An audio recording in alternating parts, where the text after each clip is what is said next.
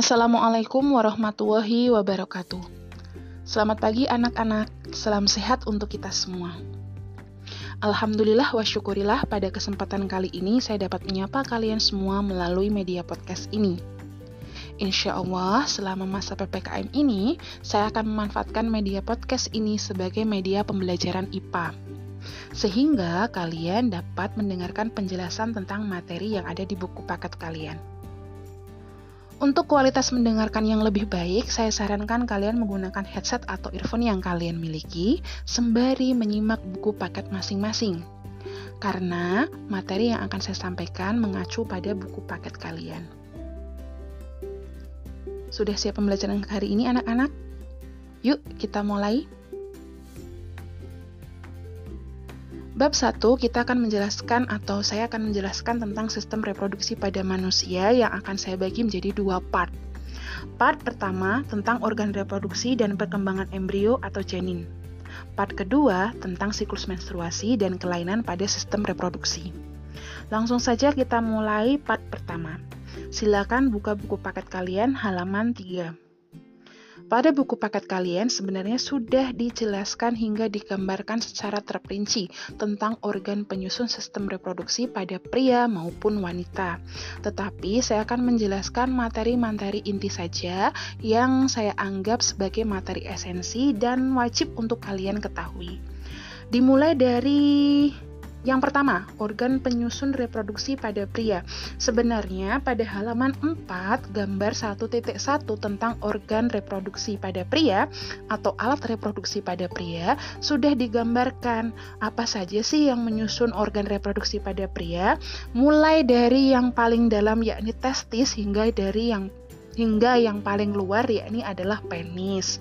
Nah, untuk penjelasannya terdapat pada halaman 3 pada tabel 1.1 organ penyusun sistem reproduksi pria.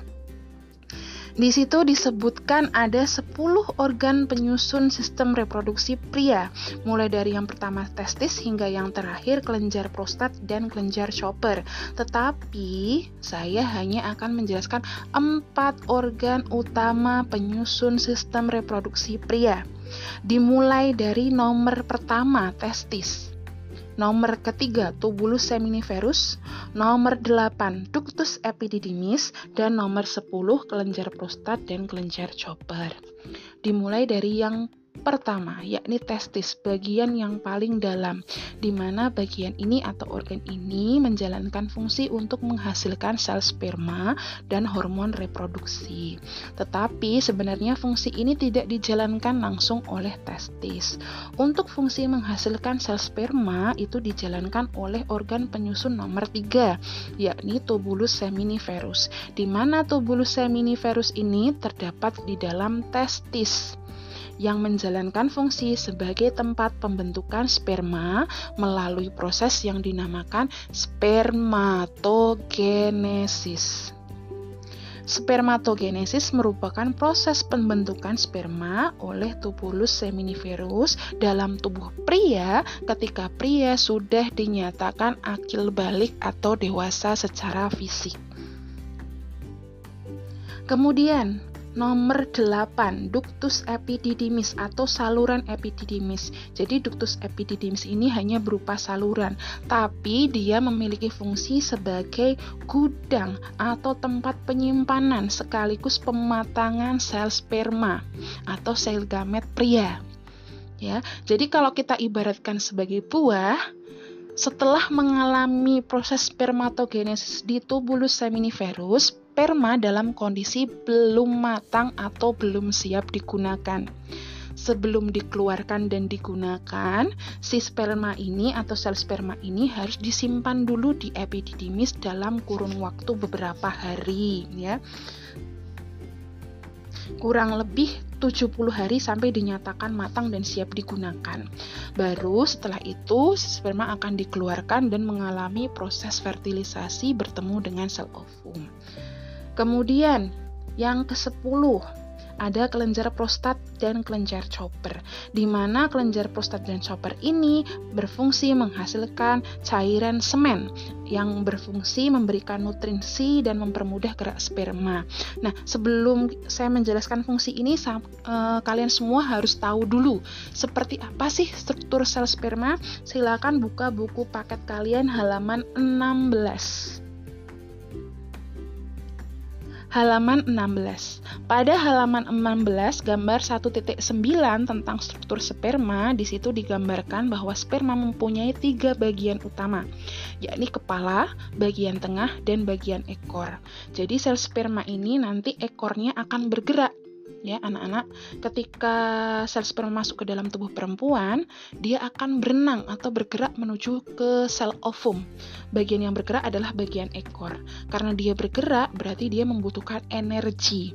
Nah energi ini diperoleh dari nutrisi yang dihasilkan oleh kelenjar prostat di dalam cairan semen.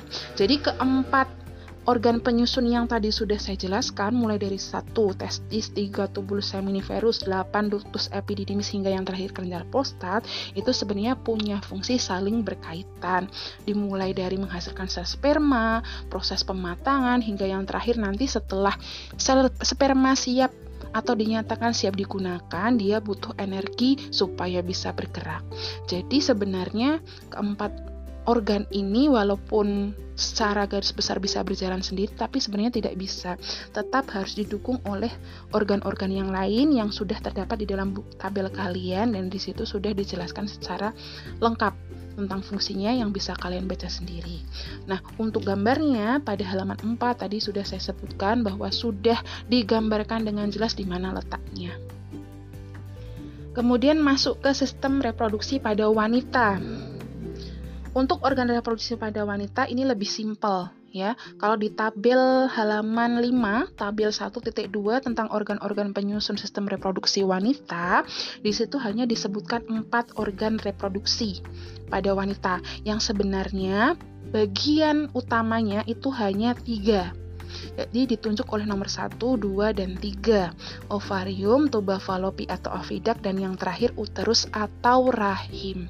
Untuk gambarnya sudah di Gambarkan dengan jelas di gambar 1.2 tentang alat reproduksi pada wanita dimulai dari bagian paling dalam yakni ovarium, kemudian ada tuba falopi, kemudian dilanjutkan ada uterus dan yang terakhir bagian paling luar yakni ditunjukkan oleh vagina.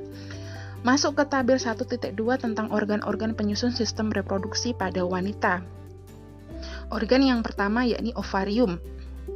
Ovarium ini memiliki fungsi sebagai tempat memproduksi sel telur atau ovum melalui proses yang dinamakan oogenesis. Jadi kalau pada pria itu dinamakan spermatogenesis, kalau pada wanita dinamakan oogenesis. Berbeda pada pria, oogenesis pada perempuan hanya menghasilkan satu sel ovum setiap satu kali oogenesis ya dan dihasilkan oleh ovarium kanan dan kiri secara bergantian. Contoh, apabila bulan ini ovarium kanan menghasilkan satu ovum, maka bulan berikutnya akan menghasilkan satu ovum dari ovarium kiri. Begitu seterusnya secara bergantian. Yang kedua, yakni tuba falopi atau ovidak atau saluran telur. Organ ini hanya berupa saluran memanjang yang menghubungkan ovarium dengan rahim dan pada bagian ini memiliki fungsi sebagai tempat terjadinya pembuahan atau fertilisasi. Apa itu fertilisasi? Sudah disebutkan di buku paket kalian halaman 7. Fertilisasi atau pembuahan merupakan proses bertemunya atau meleburnya sel sperma dengan sel ovum. Pada gambar 1.3 halaman 7 tentang proses pembuahan yang terjadi di saluran telur sudah digambarkan bahwa satu telur dan satu sperma akan bertemu pada proses pembuahan pada kenyataannya sebenarnya sel sperma yang masuk ke dalam tubuh wanita itu berjumlah lebih dari satu, bahkan jutaan hingga ribuan. tetapi hanya satu yang berhasil bertemu dengan sel ovum. Ketika proses pembuahan ini terjadi, satu sperma dan satu ovum ini bertemu, maka akan membentuk zigot. Kembali lagi ke halaman 5 organ penyusun sistem reproduksi pada wanita berikutnya, yakni nomor 3 adalah uterus atau rahim yang memiliki fungsi sebagai tempat tumbuh dan berkembangnya embrio. Apa itu embrio? Embrio itu adalah uh, zigot yang sudah mengalami pertumbuhan dan perkembangan. Jadi setelah proses pembuahan atau fertilisasi di tuba falopi terjadi, nanti si zigot yang terbentuk itu akan menuju ke uterus dan mengalami perkembangan berubah bentuk semakin besar dan mengalami perubahan yang signifikan, membentuk embrio hingga nanti membentuk janin di dalam proses kehamilan atau wanita tersebut dinyatakan mengalami mengalami proses kehamilan. Itu kurang lebih tentang organ reproduksi pada pria dan wanita. Sekarang kita lanjutkan ke halaman 8. Tadi menyambung yang sebelumnya saya jelaskan tentang fungsi organ reproduksi pada perempuan, kan dikatakan bahwa akan terjadi pembuahan atau fertilisasi di mana ovum dan sperma itu akan bertemu kemudian membentuk zigot.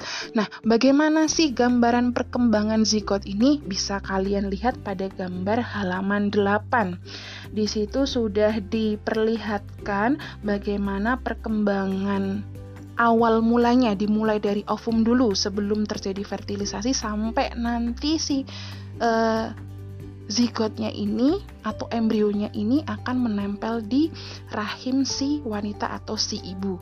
Jadi dimulai dari gambar paling kiri yang bawah itu berbulatan berupa sel ovum. Ovum dikeluarkan dari ovarium, kemudian di tuba falopi bertemu dengan sel sperma mengalami fertilisasi. Satu sel sperma dan satu sel ovum yang bertemu akan membentuk zigot. Kemudian zigot akan mengalami perkembangan seiring dengan perjalanannya menuju ke rahim. Di situ ditunjukkan oleh nomor 1 sampai nomor 6. Jadi kalau kamu lihat gambarnya itu akan mengalami perubahan bentuk, bahkan sebenarnya juga mengalami perubahan ukuran. Sampai pada nomor 6 itu nanti si zigot akan mengalami perkembangan hingga membentuk blastosis. Nah, biasanya pada tahap ke ini eh, kehamilan mulai bisa dideteksi di mana seorang wanita jika menggunakan tes pack maka akan terdeteksi dia positif hamil.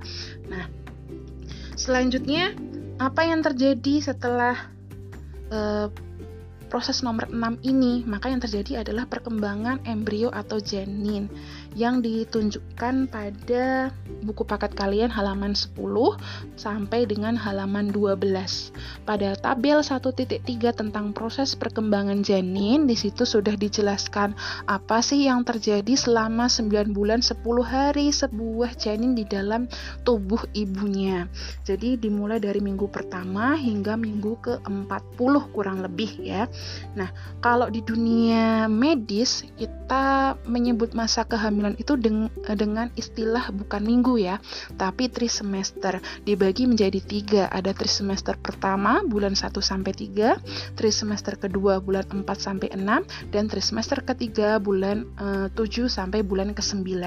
Kalau di buku paket kalian berarti minggu ke-6 sampai minggu ke-12 itu merupakan trimester pertama bulan ke-16 sampai 24 itu tri semester kedua dan bulan e, minggu maaf ya minggu.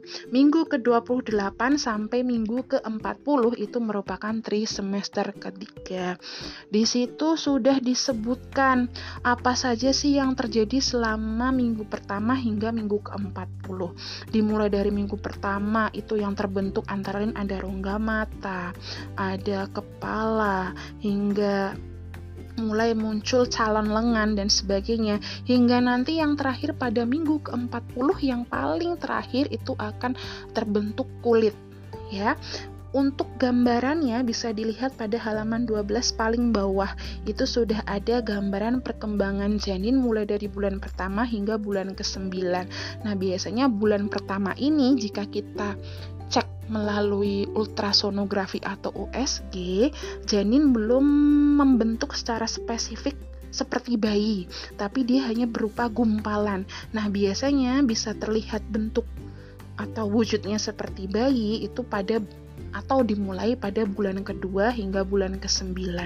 Nah, kurang lebih itu tadi ya tentang perkembangan janin. Jadi bisa kalian baca sendiri di tabel sudah ada uh, penjelasannya dengan sangat jelas bahkan mulai uh, bahkan rincian ukuran dan bobotnya juga sudah ada dari mulai minggu pertama hanya berukuran 1 cm sampai minggu ke-40 nanti berukuran 50 cm dengan bobot kurang lebih 3,3 kg.